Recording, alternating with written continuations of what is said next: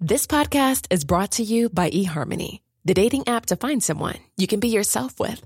Why doesn't eHarmony allow copy and paste in first messages? Because you are unique, and your conversations should reflect that. eHarmony wants you to find someone who will get you. How are you going to know who gets you? If people send you the same generic conversation starters, they message everyone else.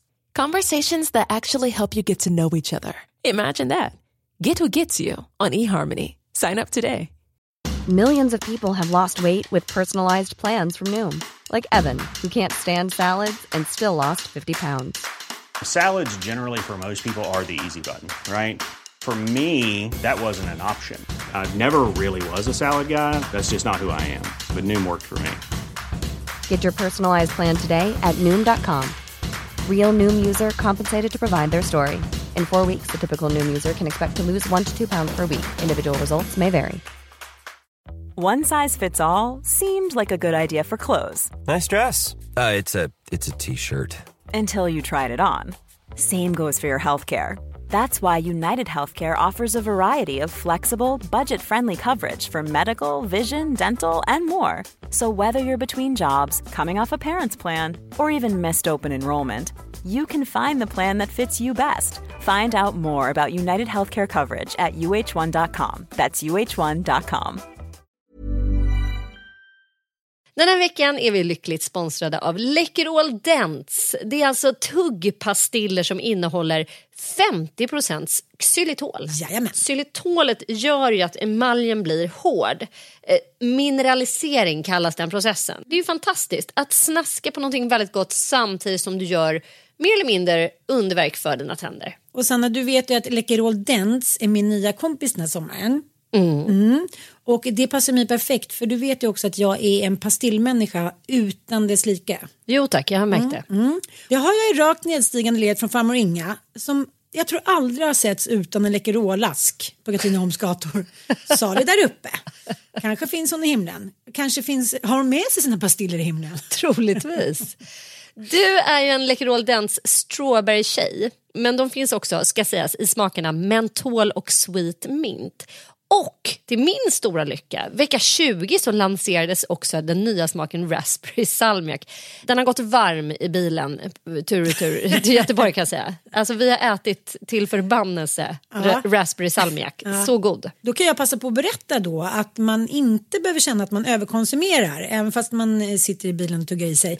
För tanken är om det här ska verka verkligen, den här munhygienens xylitol, så ska man ta det efter man har druckit och ätit varje gång. Tre till fyra gånger per dag, två pastiller ungefär. Det är en lagom dos för att det ska funka. Ja. Och jag tänker ju att Inga var ju, farmor Inga var ju riktigt smart. Hon insåg ju så tidigt att de här tabletterna också är Jag smarta. tror inte du ska tillskriva henne allt för mycket Jodå, smarthet. jodå. Och så finns de också i en väldigt praktisk liten ask ska sägas. 36 gram, de är lätta att ta med sig i fickan eller i handväskan så att man alltid har dem tillgängliga. Och det är också så fräscht. Det är ju det som är grejen med tuggpastiller av allehanda slag. Att man också känner sig fräsch. Man doftar gott. Man är på gång. Man, är beredd på både det ena och det andra. Absolut, det gillar man. Ja, och du vet ju varför jag har skaffat barnlös på min handväska. Tack Läkerol Dents i var kvinnas handväska i sommar. Det kan jag lova.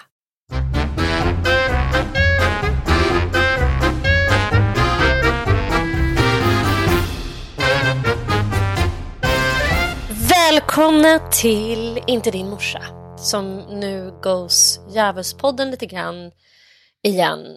Den här podden gör ju det lite då och då. Ja, och eh, nu är det hög tid att lyssna inåt och utåt för varningstecken på fett medberoende. Det är avslutningstider. Många ska jobba lite extra innan man går på semester, kanske lite annorlunda år. Men många har ju fortfarande fasta jobb och får säkert jobba lite extra, jobba för andra som är permitterade och sådär. Ja, jag såg ju tydliga tecken på det här i måndags när du hade studentfest för Olga. Så det blir så här roligt, för man, man vill inte så spoila eller förstöra stämningen. Ändå ser man så här, du ser trött ut och har kämpat på liksom, ja men ja, du kan väl berätta lite då. Ja, men vi, alltså, jag ska ändå säga att till 70 procent så var det här studentfirandet av Olga då, alltså studenten, det, det, jag trodde inte jag skulle bli så känslomässig kring det som jag blev, men det är ju fan min nästan den största dagen näst efter födseln för ens unge. Liksom att de blir 18 det säger ingenting för att de är fortfarande inte vuxna när de är 18. Det är någonting väldigt strange med att vi har bestämt att det ska vara så här myndighetsåldern för de är ju inte klara då att fatta ett enda klokt beslut. Men när de tar studenten så det har liksom blivit en övergångsrit i vårt samhälle som är så jävla mycket tydligare på något sätt.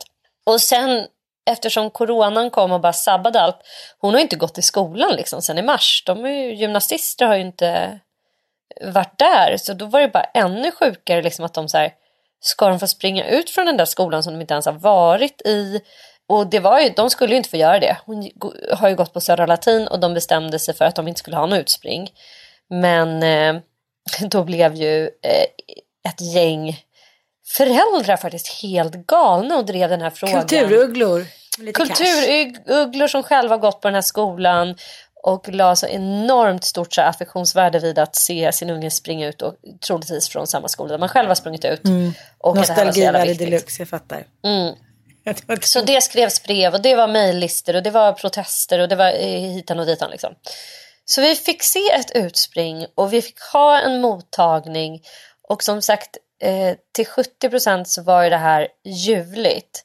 Till 30 procent så var det här också för mig en akt av codependency, liksom att gå in i det. Som den allestädes närvarande fixaren, donaren, svårt att be om hjälp, också så här, för mig är det rätt lätt att hantera mitt medberoende när jag inte går upp i stress. Då kan jag stoppa och tänka och så backa och liksom så. Men när det är något så här, det är ett datum, det är en deadline, då, då går liksom medberoendet in bara på autopilot. Och i det här fallet så gestaltar det sig extremt mycket i att så här, ja men jag gör allting själv. Och det, det är inte bara den här oförmågan att be om hjälp utan det är också ett kontrollbehov i det. Gud! Och sen är det liksom oförmågan att delegera och oförmågan att vad ska man säga, diskutera med andra och så komma på så här, vad ska du göra, vem ska jag si och så och liksom det här relationella som det faktiskt ändå innebär när man ska tillsammans göra en grej. Ja, det är klart. Så jag gjorde i stort sett hela den här mottagningen själv. Jag blev chockad när jag kom ut till ett lilla herrgårdshus där, där ni bor. Jag bara, jag trodde det skulle vara så 10 bilar. Det var ju så 25 bilar. Det var ju hur mycket folk som helst. Men det var ju också något absurt för att man tänker så här, vi måste nog ta i lite grann eftersom det är coronatider. Folk kommer inte komma. Vi bor också väldigt långt från stan. Alltså man jämför med att hennes skola faktiskt ligger inne i stan och hennes vänner har inga bilar och sånt där. Men vi bjöd ju alltså in då 63 personer. Varav samtliga kom förutom två. Det är helt vansinnigt. Det, det säger också någonting om så här, svenskens... Uppdämda alltså, behov också av att träffas.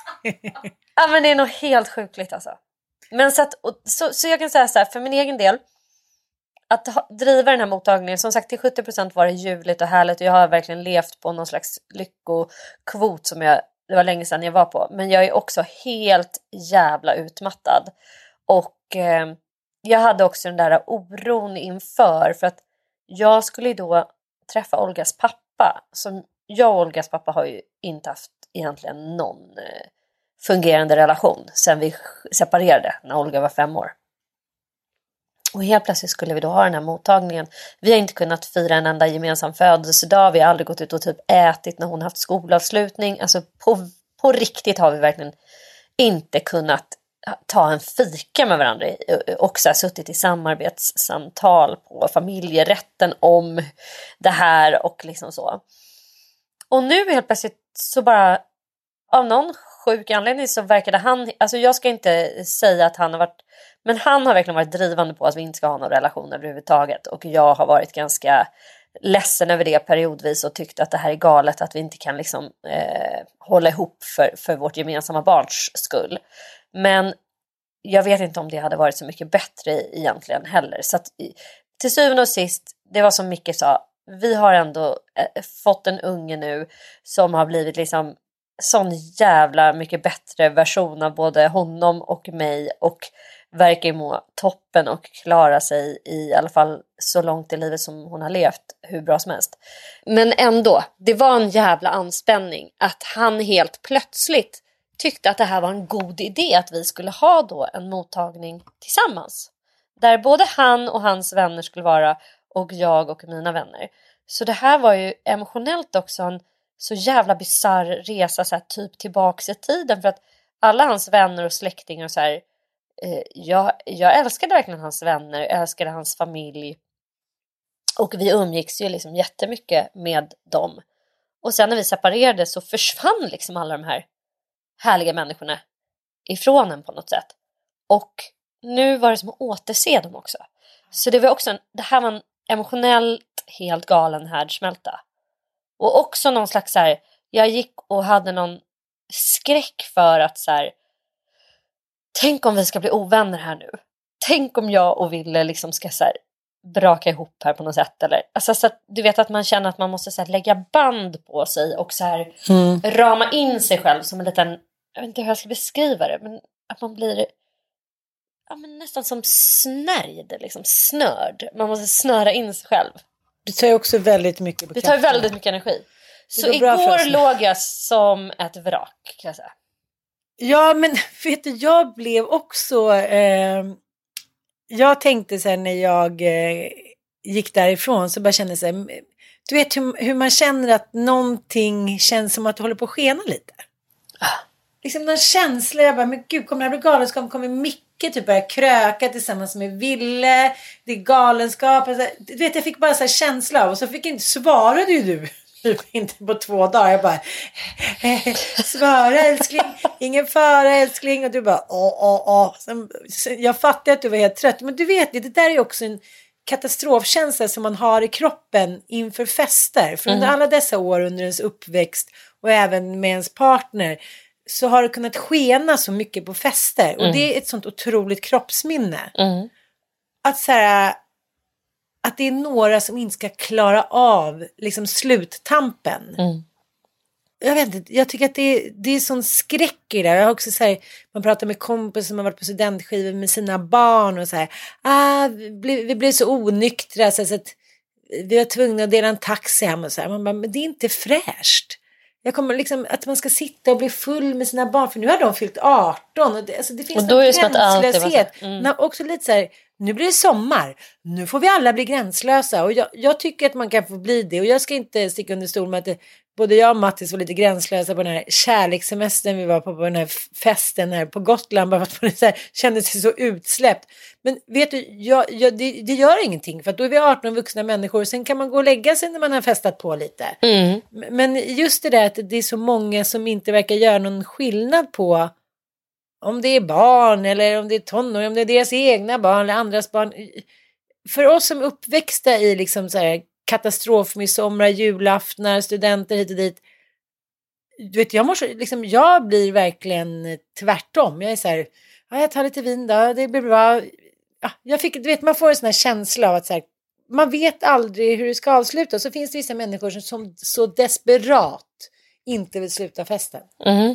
Bara lite, bara lite till. Mm. Och liksom, de kan offra kärestar, barn hit och dit. Det är som att de eh, också hamnar med en autopilot. De blir liksom de blir så här starstruck i festen. Men det är någonting också med eh, sommarens intåg. Alltså det tror jag jävligt många svenskar känner igen sig Det är inte liksom bara om man har ett, ett ongoing beroende eller ett medberoende. Liksom. Det är ju så här, ljuset kommer, vi går också in i det här the festive season, liksom. alltså årets andra festive season när det är avslutningar, det är, det är olika kick-offer med jobbet inför semestern, liksom. det ska avslutas och det ska påbörjas. Och, Särskilt efter den här isolerande vintern. Ja, och det är så här, helt plötsligt så bara kan vi liksom gå ut och typ corona-safe eh, dricka vin i parker och mm, mm. man känner liksom att det är och jag tycker också generellt att det här är faktiskt den perioden eh, under året som jag brukar må som sämst. Mm. För att det är så jävla mycket. Eh, apropå att så här, han både vara liksom, eh, ha anlag för medberoende och ha massa medberoende så här, beteenden. Men sen också att det är den ultimata kvinnofällan. här är det ju så presenter till fröknar, det är nej men, olika avslutningar av kalas till fan och hans moster och alla ska ha någon liten treat och det ska planeras och nu ska också barnens då sommar planeras, att man ska så här, göra en sommar för dem om du fattar. Det där, där sitter ju du alltid i. Du och jag sitter och diskuterar olika kollos, olika resor och olika liksom, happenings för att skapa den här fantastiska eh, sommaren späckad med härliga minnen för ens barn. Och det, det är liksom något jävligt kravfullt. Ångestframkallande. Alltså. Ja. Ångestframkallande. Och jag tänker också precis som vi pratar om att så här, mitt ex har ju aldrig varit behjälplig i det. Och jag vet inte, jag vet inte om han inte själv fick liksom den treaten när han var liten så därför kan han bara inte identifiera inte, liksom, det. Det kanske inte ens är slöja, det kanske är bara att han inte ens vet hur det går till. Hur var det för dig när du var liten? Tycker du att dina föräldrar var så här, tog ett extra tag för att skapa liksom en, en minnesvärd sommar för dig? Att sommarlovet skulle bli någonting lite extra upphöjt? Men min mamma var ju liksom, hon var ju en magiker när det gällde att skapa liksom härliga stunder i vardagen tycker jag. Mm. Jag kan inte känna att min pappa var delaktig. Han var ingen som Alltså det var inte så att han inte ville skapa härliga stunder men, men jag kände inte att det var något aktivt liksom, engagemang att han ville säga oh, nu ska vi se om de ska åka på läger och, utan det var ju alltid mamma som stod på fotbollsmatcherna, mamma som sydde klänningar. Det var en otrolig, min mamma var ju som jag skrev också i min lilla hyllningstext på mors dag. Hon hade liksom en otroligt närvarande omsorg hela tiden. Mm. På, den, på det sättet som kanske mammor inte har tid eller inte ork eller liksom inte behöver vara idag. Var det avslutning då sydde hon likadana klänningar till oss liksom.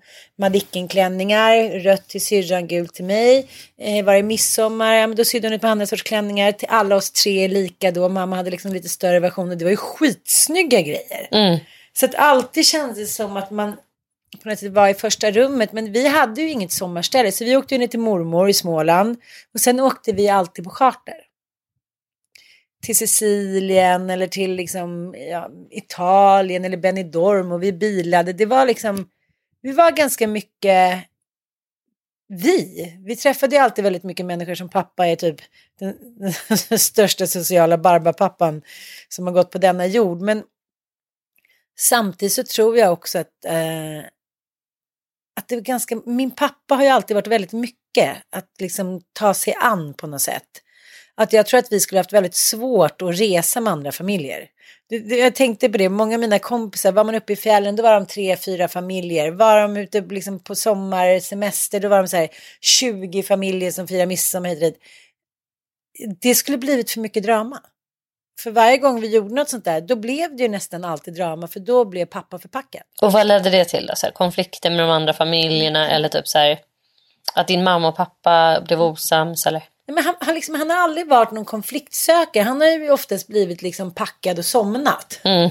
Men det är väl det att han har liksom lite det som sker med rusning när man är en beroende person. Att allt annat stängs ute.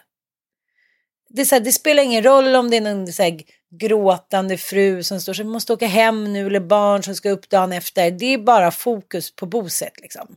Men det kunde vara så här som någon midsommarafton så, så var han liksom borta. Jag kommer ihåg vi var i eh, Tällberg i Dalarna. Och mamma stod så här grät bakom något hörn och rökte med sin kompis. Och jag var så här, vad är det som händer? Typ? Varför är du ledsen? Jag kanske var ja, men fem år tror jag att det var. Nej, fyra eller fem år. Ah, ingen fara, så här, mamma är bara lite ledsen. Så här. Verkligen, jag ser det som en så klassisk nidbild av en 70-talsmamma. Liksom. Nej, men då hade ju pappa blivit liksom så packad så då hade han sig eh, rott ut på Siljan med typ någon tantalora på festen. Men så, för mig låter det som ett helt absurdum. Men så kan jag säga snabbt förpassas till när jag var tillsammans med mitt ex och det blev galenskapskvällar. Liksom. Att han helt plötsligt bara var borta. För det har ju du också varit med om att det är, här, det är någon geografisk flykt som de har i kroppen. Att de måste säga de måste fly mot någonting som är ännu roligare, ännu galnare. Och det kan jag också tycka att det är några av mina liksom värsta minnen. Att när, när människor geografiskt försvinner, det klarar jag liksom inte av. Nej, eller när någon Ja men framförallt när man känner den där känslan att någon inte vill vara, vara kvar på samma dimension som en själv. Det är lite grann som att så här, ja, men om man är på en fest och man har, alltså på en fest där det serveras alkohol så är det ju som att alla vuxna då eh, hoppar på ett litet tåg liksom eh, och tuffar iväg tillsammans i takt med att man intar liksom ett glas vin, två glas vin och tre glas vin. Och där brukar liksom, där tuffar tåget på och så blir det inget konstigare.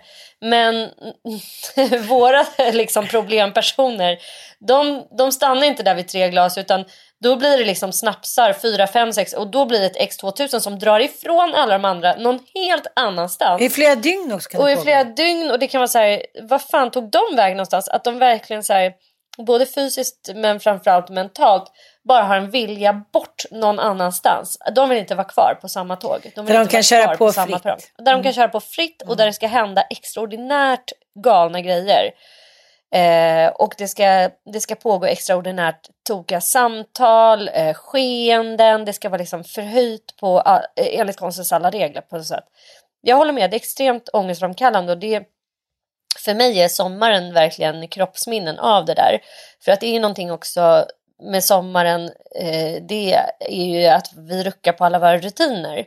Så att personer som, som har liksom en beroendeproblematik kan ju då helt plötsligt eh, börja utöva den hela tiden. För att det, det är alltid läge för ett glas rosé i solen.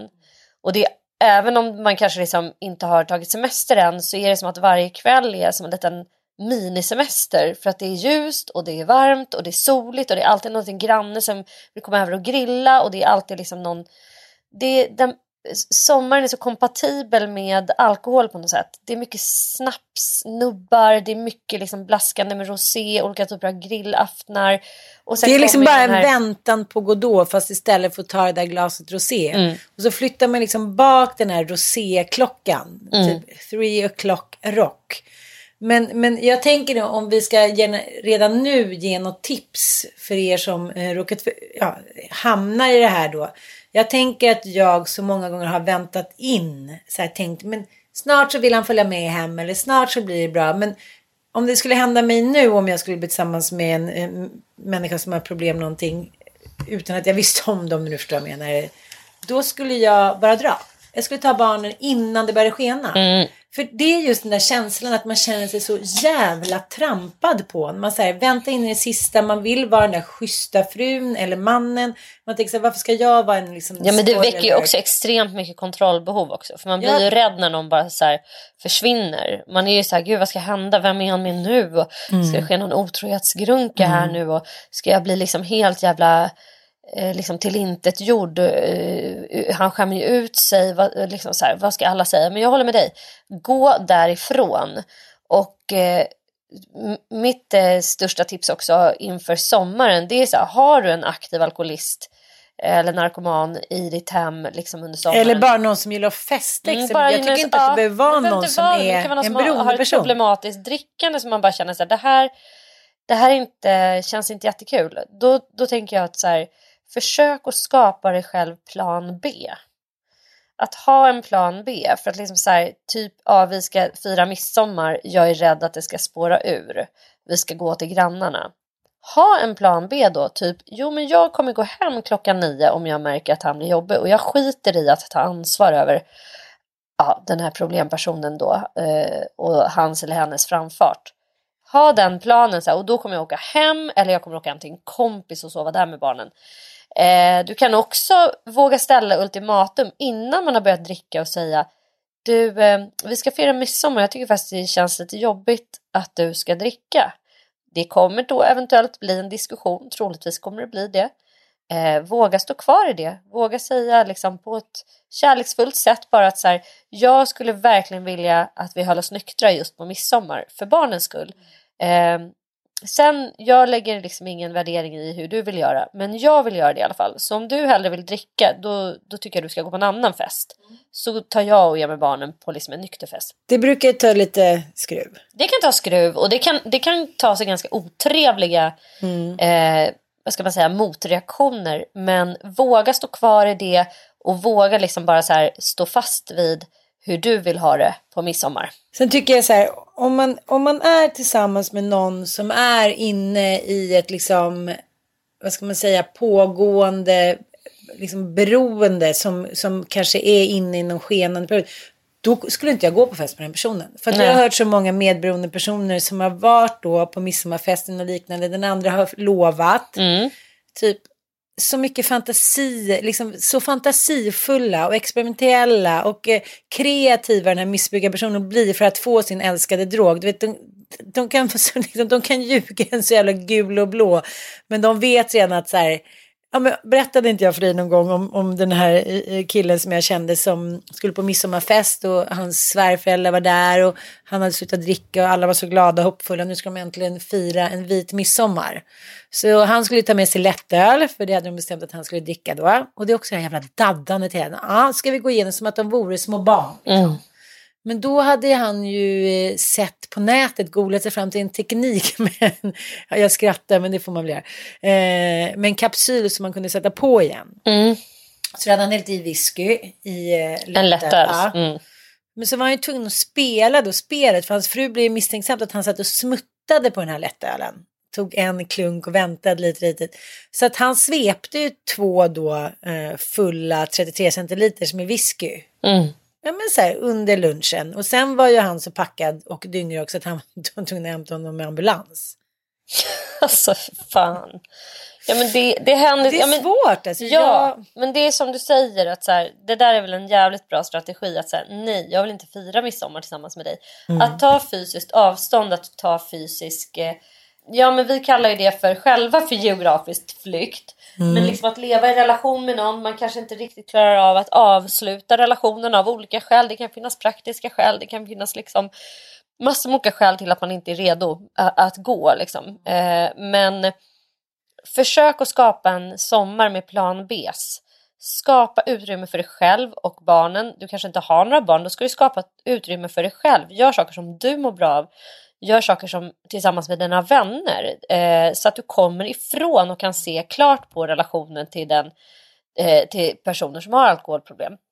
Och eh, även låt det här bli en sommar av, av liksom kunskapsinhämtande. För att det vet ju både du och jag Anna att liksom, vi kunde inte riktigt eh, eh vi kunde inte identifiera vårt eget medberoende förrän vi visste vad medberoende var. Och vi kunde inte heller inte gränsa våra alkoholister eller ja, problempersoner förrän vi visste liksom hur beroendet funkar. Och därför så är det så himla viktigt att ni liksom börjar lära er om både medberoende och beroende. Läs böcker, läs Flodhästen i vardagsrummet, läs Kidnappad hjärna. Men Läs läs, vår- också vår bok. precis, jag tänkte nu har hon blivit alldeles tossig där borta. Vi har ju lyckats komma över de sista tusen exemplaren av Djävulsdansen blir fri från medberoende. Vår självhjälpsguide som vi skrev när vi hade gjort eh, dokumentärserien Djävulsdansen. Därför att vi själva saknade den här typen av handfast eh, tipsbetonad bok.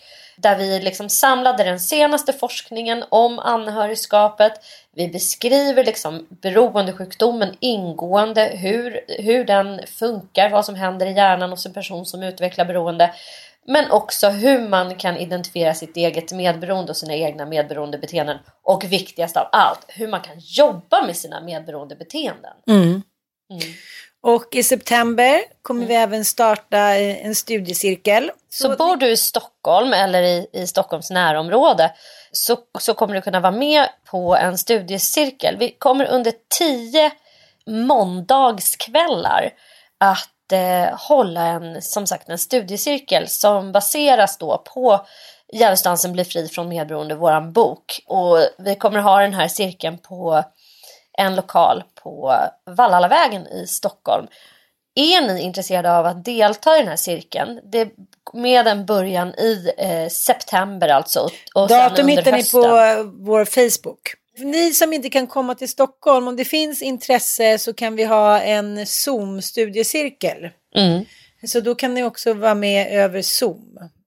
Så att eh, som sagt, eh, gå in på Facebook, eh, inte din morsa, där finns vi och inte din morsa djävul slash djävulsdansen.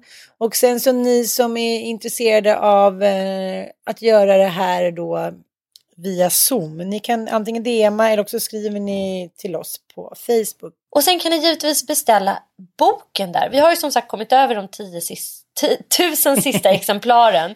Vill du köpa den här boken till det facila priset av 170 kronor inklusive frakt. Det är fin inbunden tjockis. Ja. Mm. Och det... som man gillar av bokhyllan. Och eh, vi skriver ju naturligtvis eh, personliga dedikationer eh, till er om ni vill det. Mm. Passa på att köpa den här boken. Det är en bästsäljare. Den har sålt över 10 000 exemplar i, i Sverige. Det är vi väldigt stolta över. Den är också fantastiskt bra. Ja, man måste få skryta. ja, men den är skitbra. Den är välskriven, den är intressant, den är personlig, den är faktaspäckad och den är utvecklande. Liksom. Den är som ett väldigt stort Kinderägg.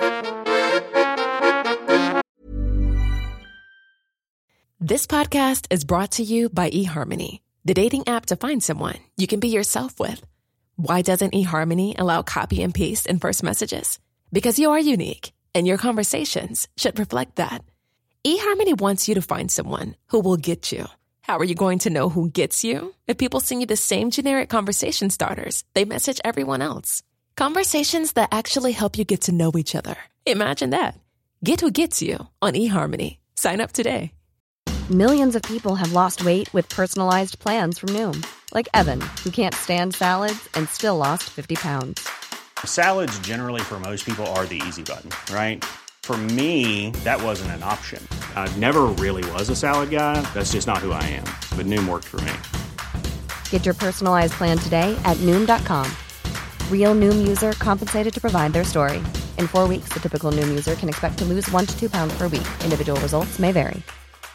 Hey, I'm Ryan Reynolds. Recently, I asked Mint Mobile's legal team if big wireless companies are allowed to raise prices due to inflation. They said yes. And then when I asked if raising prices technically violates those onerous two year contracts, they said, What the f are you talking about, you insane Hollywood ass?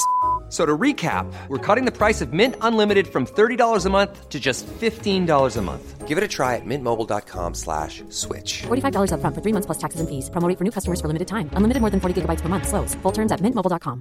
There's never been a faster or easier way to start your weight loss journey than with plush care.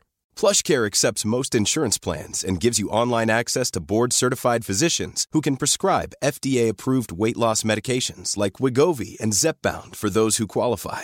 Take charge of your health and speak with a board-certified physician about a weight loss plan that's right for you. Get started today at plushcare.com slash weight loss. That's plushcare.com slash weight loss. plushcare.com slash weight loss.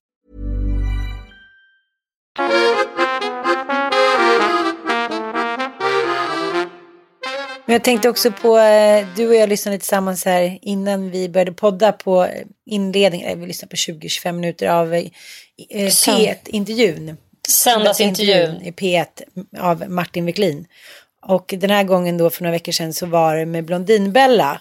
Och eh, jag tänkte på några saker som hon sa att det, precis som du nämnde, att det är så svårt att be om hjälp när man har vuxit upp med att kanske rätt trygghet inte har funnits. Så att man får klara sig mycket själv och hitta liksom egna vägar och vara kreativ.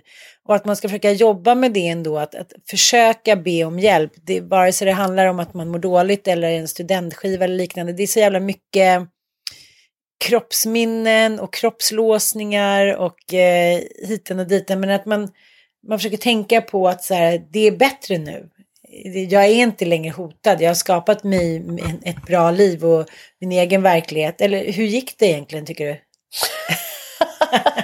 Nej, men man, ja, ja, ja, men jag tror, jag tror så här. Man måste se sig själv lite som en kroniskt eh, sjuk person också. Mm. Alltså även om medberoende inte är en sjukdom, det är mer tillstånd.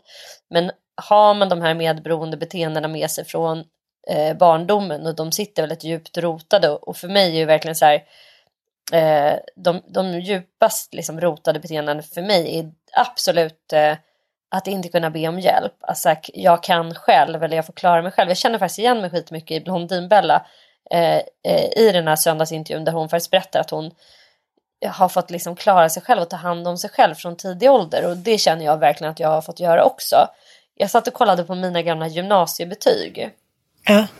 Det blir så här intressant eftersom Olga precis har fått sina betyg och man ser liksom hennes har fått se hela hennes gymnasietid och liksom följa henne och så här. Och hur fan jag själv var då. För det första hade jag flyttat hemifrån vid den här tiden. Alltså sen jag hade bott ensam sen åtta månader tillbaka i en liten etta. Eh, det var ingen av mina föräldrar som någonsin hjälpte mig i skolan överhuvudtaget. Eh, som, ja men de uppmärksammade överhuvudtaget inte. Alltså jag kan inte ens minnas att jag pratade. Jag bodde hos min pappa då innan jag flyttade hemifrån. Utan det var väldigt mycket så här, frihet under ansvar hade han ju en devis liksom. Jo, fast om man Men inte ens en- vet vad ansvar är. När man inte ens vet hur man ska ta ansvar och när man inte är förmögen själv heller, för det är man faktiskt inte när man är 18 år.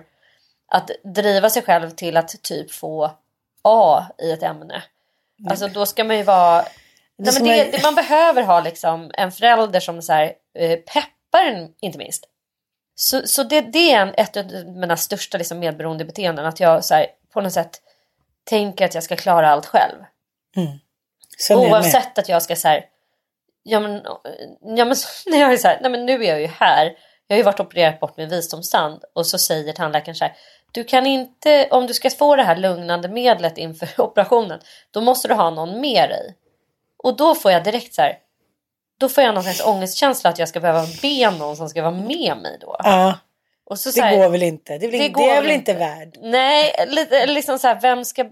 Jag, alltså, jag vet ju att det inte är sant. Jag vet ju att Micke skulle vara med, där med mig. Men det är bara en känsla instinktivt Ja, jag jag, vet. får. Jag, Vet. jag tycker att, och det var liksom min stora, stora eh, vidriga skräck när jag eh, fick min utmattningsdepression. För att då helt plötsligt klarade jag ju inte av saker själv. Så jag var ju tvungen att be människor om hjälp. Det var helt panikångestframkallande att så här, hela tiden vara så här. Skulle du kunna hjälpa mig att hämta barnen på dagis för att jag kan inte gå dit? Typ. Kan du handla åt mig för jag kommer inte ihåg min egen kod? Alltså sådana saker.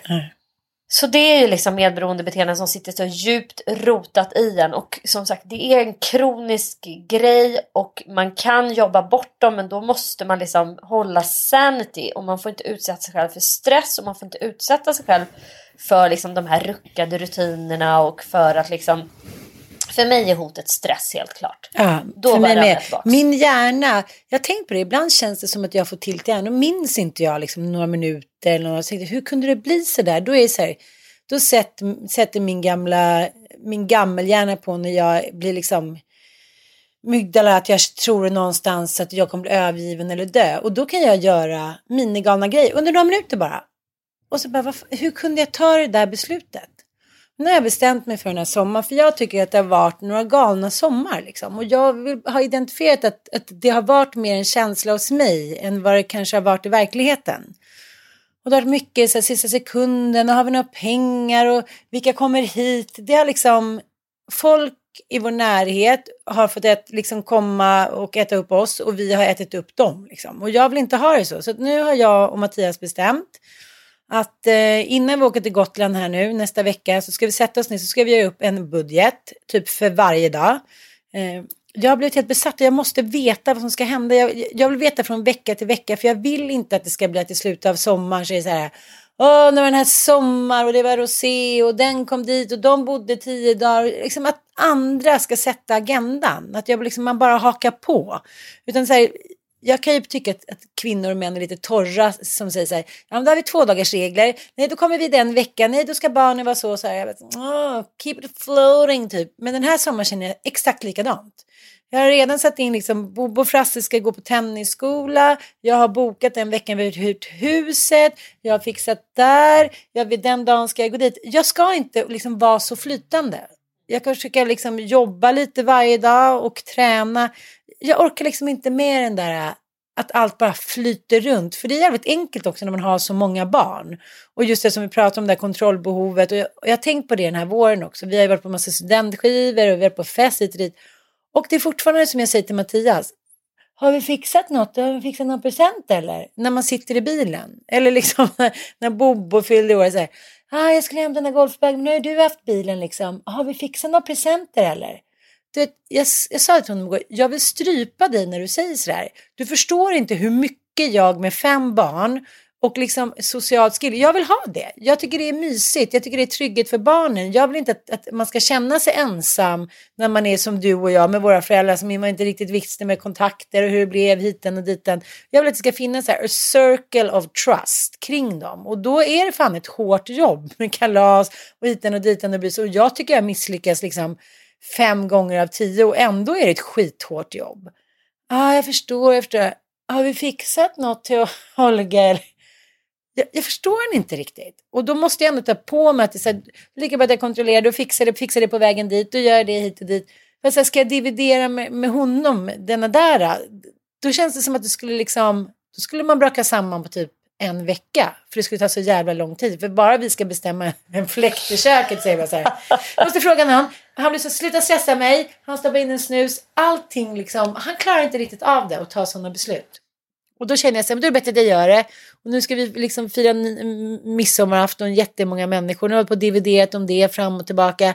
Jag sa så här, jag orkar inte bråka mer om grejer. Allt är inte så viktigt. Jaha, man blir bjuden på midsommar till alla människor. Man tackar ja. Man gör det. Allting behöver liksom inte stötas och blötas hit Man kan så här, också bara bestämma sig direkt för att göra det första som kommer upp. Mm. Det behöver inte vara att det finns tusen alternativ. Nej. Så det tänker jag också, gör enkelt, planera inför sommaren. Eh, ja, lite sådär, både budget och vad ni ska göra. Eh, budget är ändå jävligt viktigt. Jävligt viktigt, för fan vad vi inte uppfostrade det. Så det tror jag många av er som lyssnar nu som har vuxit upp i lite dyssade familjer. Budget! Mormor, eh, det är hem, det är mamma, det är AK. Alltså det fanns, det spelade liksom ingen roll. Det var så här, men, skjortorna ut och fötterna in och även fast man var liksom på ytan en fin ordnad familj Alltså liksom, man visste aldrig om pengarna skulle räcka i slutet av månaden. Och så tänkte jag, vad, vad var det för hål? Pappa känner skitbra, mamma känner skitbra. Och jag tänker på det nu med, så här, vad är det för hål de fylls i? Vad tar pengarna vägen? Ingen jävla aning. Nej, men det, det, det, det sådär, jag pratar ju skitmycket med, med mina pojkar om det och med mina barn om liksom spar. Jag känner mig som en jätte jättegalen så här, kamrer, typ så här, bank, bankirman. Du är jätteduktig tycker jag. Ja men jag tycker det är så jävla viktigt för just när man inte har haft det med sig hemifrån och jag har haft så mycket inkasso och så jävla mycket olika såna här kronofogde. Jag har haft liksom betalningsanmärkningar när jag var 27-28 år. Jag är så jävla trött på det och nu har jag blivit helt åt andra hållet. Så att jag är så här, jag har inte haft en inkasso nu på flera år och när, nu fick jag det på en så här, jag vet inte exakt vad det var, det var en sån löjlig grej som någon sån här äh, parkeringsbot eh, ja, som jag hade glömt i väskan. Och jag, du vet, jag får sån hjärtklappning av sånt nu. Så att äh, budgetera, det känns så sjukt viktigt. Eh, ja, eller så är det bara att vi håller på att bli gamla. äh, jag, bara känner, jag känner bara så här att jag ska för en gångs skull ta kontroll över min egen sommar. Och jag ska göra det. Och Jag ska tänka på det varje morgon. Det tycker jag också är ett ganska gott råd. Just det här att bara här, sitta ner. Man behöver inte meditera och hålla på och filifjonka om man inte orkar det. Men att sitta ner för sig själv innan allting börjar. För det är lätt att dras med i det där när man har mycket barn och män som kanske liksom också har stora visioner. Att det börjar snurra och sen snurrar det bara. Mm. Det tycker jag händer mig så ofta. Att jag, liksom, det bara snurrar på. Jag kan liksom inte stanna i den där virvelvinden. Så jag tänker så här, varje morgon, ta en liten stund för dig själv. Gör upp en liten vision hur du vill att dagen ska bli. Sen Vi har ju också en sjukt bra övning i boken, tycker jag. Mm. Som är så himla lätt. Och som man kan börja med om man vill börja jobba med sitt liksom havererade känsloliv. Den heter Tre känslor. Precis, det är den jag har slagit upp. Ja. Den är på sidan 161 när ni får er en bok. Och eh, det handlar om att varje kväll innan du går och lägger dig ska du skriva ner tre känslor som du känner just då. Här har vi skrivit köp en vacker bok och döpt den till känsloboken. Det behöver man faktiskt inte. Här övar du på att känna igen vad du egentligen känner, på att respektera dina känslor. Vad eh, känner du nu om du skulle skriva tre känslor?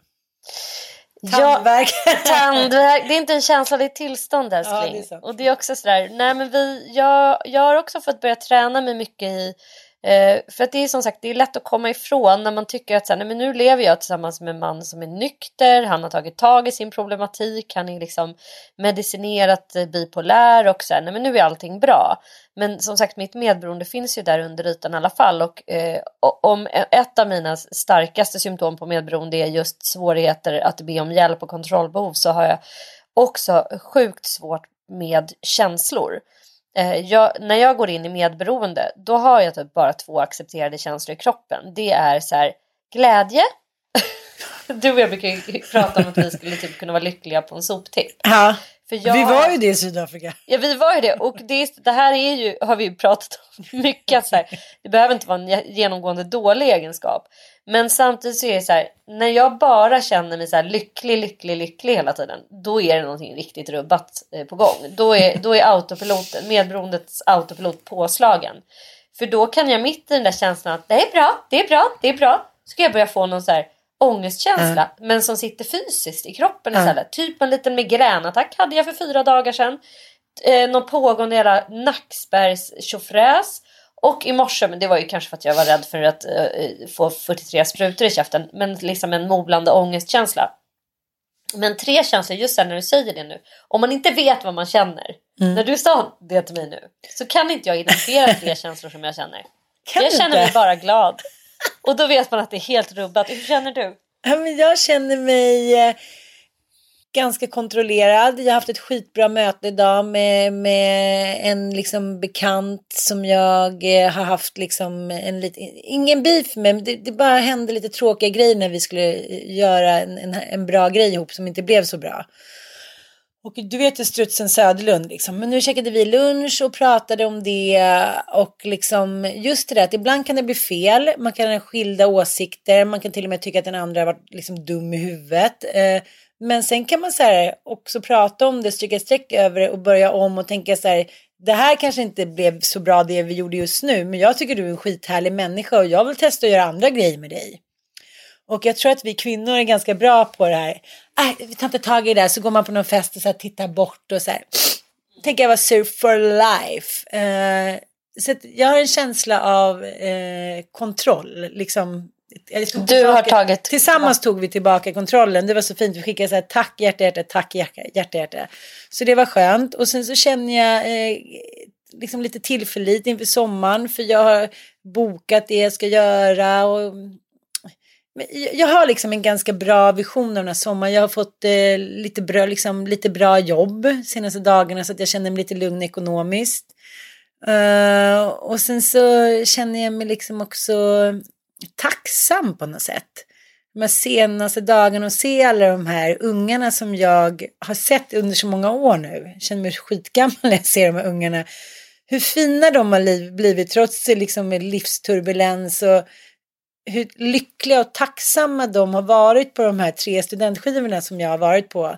Och även den kärleks, eh, men kärleksfesten som jag var på med några av våra bästa vänner. Att så här, Fan, det händer skit och man gör bort sig och det kan vara allt från PMS till fylla till otrohet eller problem med ekonomin. Alltså, livet bara pågår och är en lång radda kriser och problem. Men däremellan så, så här, gör man sitt bästa och, och älskar man någon så får man liksom på något sätt vara lite storsint och jag tänker på det här i coronatider också. Jag läste en så skitrolig krönika igår som var så otroligt rolig där eh, skribenten berättade om eh, sin snubbe som hon Ja men de älskar varandra, de har två barn hit och dit. Men han har liksom blivit manisk under den här coronakrisen. Han liksom är så uttråkad så han gör allting, så ska slipa allting, hugga ner allting i trädgården liksom, han går till så här ytterligheter hela tiden. Och eh, hon sa att det som har varit så himla bra för oss är att han går upp i gryningen och åker iväg till jobbet. Och nu liksom sitter vi och kliddrar hela tiden på varandra. Eller irriterar på honom. Men så, så tänker hon så här i slutändan när barnen har somnat och allt är lite lugnt. Så sitter hon där och tänker så här, det finns ingen annan som jag hellre skulle sitta här i soffan med och kolla på en tv-serie. Så vi ska inte skilja oss, vi ska inte skilja oss. Men, men det är klart att det har varit påfrestningar. Och jag tycker vi kan utkristallisera i, i vår vänskapskrets att så här flera har skilt sig och andra ska så här hastgifta sig. Gud vad lyckliga vi är att vi fann varandra, det måste vi befästa på något sätt. Och eh, man kan också tänka sig vilka positiva saker kan det komma ur det här sättet, på det sättet vi har levt nu. Mm. Jag vet inte om jag kommer på så många, men jag ska tänka lite. Du kan ju fortsätta där. Nej men jag tycker det finns asmycket positivt. Mm. Alltså har man en fungerande relation då har ju corona varit underbar. Mm. Och jag kan säga det att jag är mer kär i min kar än vad jag någonsin har varit. Jaha. Men det är faktiskt så att så här, vi eh, har kommit fram till att så här, nej men gud, vi, skulle bara, vi längtar typ tills att vi blir pensionärer och bara kan gå hem och lufsa så här hela dagarna. Uh. Eh, för att nu har det ju liksom nu har det ju råkat falla sig så. Det, Micke har ju, jobbar ju på ett sånt sätt hela tiden. Liksom. Men han, han har ändå lyckats eh, klämma in det. De flesta av hans filminspelningar har blivit uppskjutna. Så han har ju då varit permitterad eller vad man ska säga. Uh. Under men åtminstone två månader. Och jag har ju ja, men någon typ av delvis föräldraledighet och det som framförallt eh, inte har blivit av för mig under den här våren är alla mina resor, alltså föreläsningar. Mm. Jag har ju varit borta minst två dagar i veckan och föreläst liksom. Och nu, alltså aldrig har jag väl varit så mycket hemma och lufsat runt. Nej. Och det, jag tycker bara att det har varit så jävla skönt. Jag måste säga att det har varit avstressande, skönt. Jag tycker att det har funnits en del panik förstås över att så här, jag menar att någon oro förstås över liksom vad det här jävla viruset ska ta vägen och hur dödligt det är och så här. Men och självklart en oro över liksom framtiden. Hur kommer det här påverka vår bransch? Eh, hur kommer det påverka annonsörer och liksom samarbeten och Mm. allt det som vi delvis eh, livnär oss på. Så att, Det har varit mycket extra jobb också. Man måste ju se, sköta all business själv. Ja, men som du har sagt, inspelning. det här med att så här, pitcha saker, att Mm. komma med idéer, att försöka skapa arbetstillfällen i vår bransch. Så att, eh, det har ju varit på ett sätt jävligt mycket jobb och på ett annat sätt så här, allt det där som innebär att man behöver vara borta har ju varit mindre. Men bara Mm. att få vara på samma plats ändå. Men jag tänker på så här, många familjer som kanske haft ett par timmar på kvällarna och sen ett par timmar på helgen. Sen har de liksom inte haft mer tid med varandra. Det är klart att man inte vet hur relationen eller familjen är. Men jag tänker, det har också funnits, för er är det rätt att ni bor så stort, men, men att man får också se, försöka vara lite extra gullig mot den andra. Så vill ha en kopp kaffe. Om den andra har ett möte så hjälps man åt. Man tar kanske barnen med till förskola och liknande. Att så här, man har fått bli schysstare mot sin partner på något sätt. Och sen också lite så här som du och jag pratade om första gången vi kommer få resa efter det här. Vi kommer ju vara så lyckliga så att Ja, du vet, jag har så många drömmar om Aten och du vet, vi ska vara på så många ställen. Åh, det är så här eh, Paris, direkt till Aten och sen ut till så här Hydra och så därifrån till äh, men, Ja, men jag, man blir också så här väntacksam tycker jag. Jag är så jävla lycklig över att jag tänker så här. I hela mitt liv kommer jag tycka till exempel att det är så jävla roligt att vara med dig och resa med dig. Vi tycker båda historia är skitkul. Vi tycker båda att det är kvinnofråga. Vi älskar att resa. Fan vad lyxigt att så här, det kommer vi att, det, det kan vi göra snart igen liksom. Och nu i helgen när vi var på Gotland, jag och Mattias, så så här, man sitter i bilen, man åker båten, man bor på ett fint hotell, man är med liksom nära vänner och bara så här, man ligger lite och bara blir lite tokig. Man så här, för fan vad härligt, alltså man är ju inte så bort, man, liksom, om man har varit bortskämd så är man inte det. Det göttiga har blivit göttigare. Och med de orden Inleder vi sommaren. Den är ju officiellt här nu. Sommarlovet är här. Sommarlovets första dag. Verkligen. Och eh, glöm inte att ni kan beställa vår eh, medberoendebok, anhörigbok. Där kan ni också ta reda på liksom lite vad, vem och vad man kan vara med, medberoende till. Där är också många tips om annan litteratur och liknande. Eh, och eh, just det, i september börjar vår studiecirkel. Det ligger på Facebook. Gå in och anmäl er. Ni som inte kan ta er till Stockholm, då kan vi göra en studiecirkel över the big, eh, vad heter? World Wide World. Wide Net. Så, eh, och eh, vi har redan en studiecirkel så det kommer inte, ni är inga testpersoner. Vi utgår från vår bok och ett häfte som vi har varit med och skrivit. Så att det här blir skitkul. Gud vad härligt. Ja, det här kommer bli så jäkla bra. Hörni, som sagt, och skicka, för att köpa boken, skicka ett DM till mig eller Ann på Instagram. Så kostar den här boken 170 kronor och eh, ni får den personligt eh, dedikerad. man så. Ja, det är de. Ja. Och då ingår frakten så ni behöver inte hämta ut eller något sånt där. Nej, och ni betalar genom att swisha. Mycket enkelt. Puss Ja. och kram! Puss och kram, ha det så härligt. Hej då!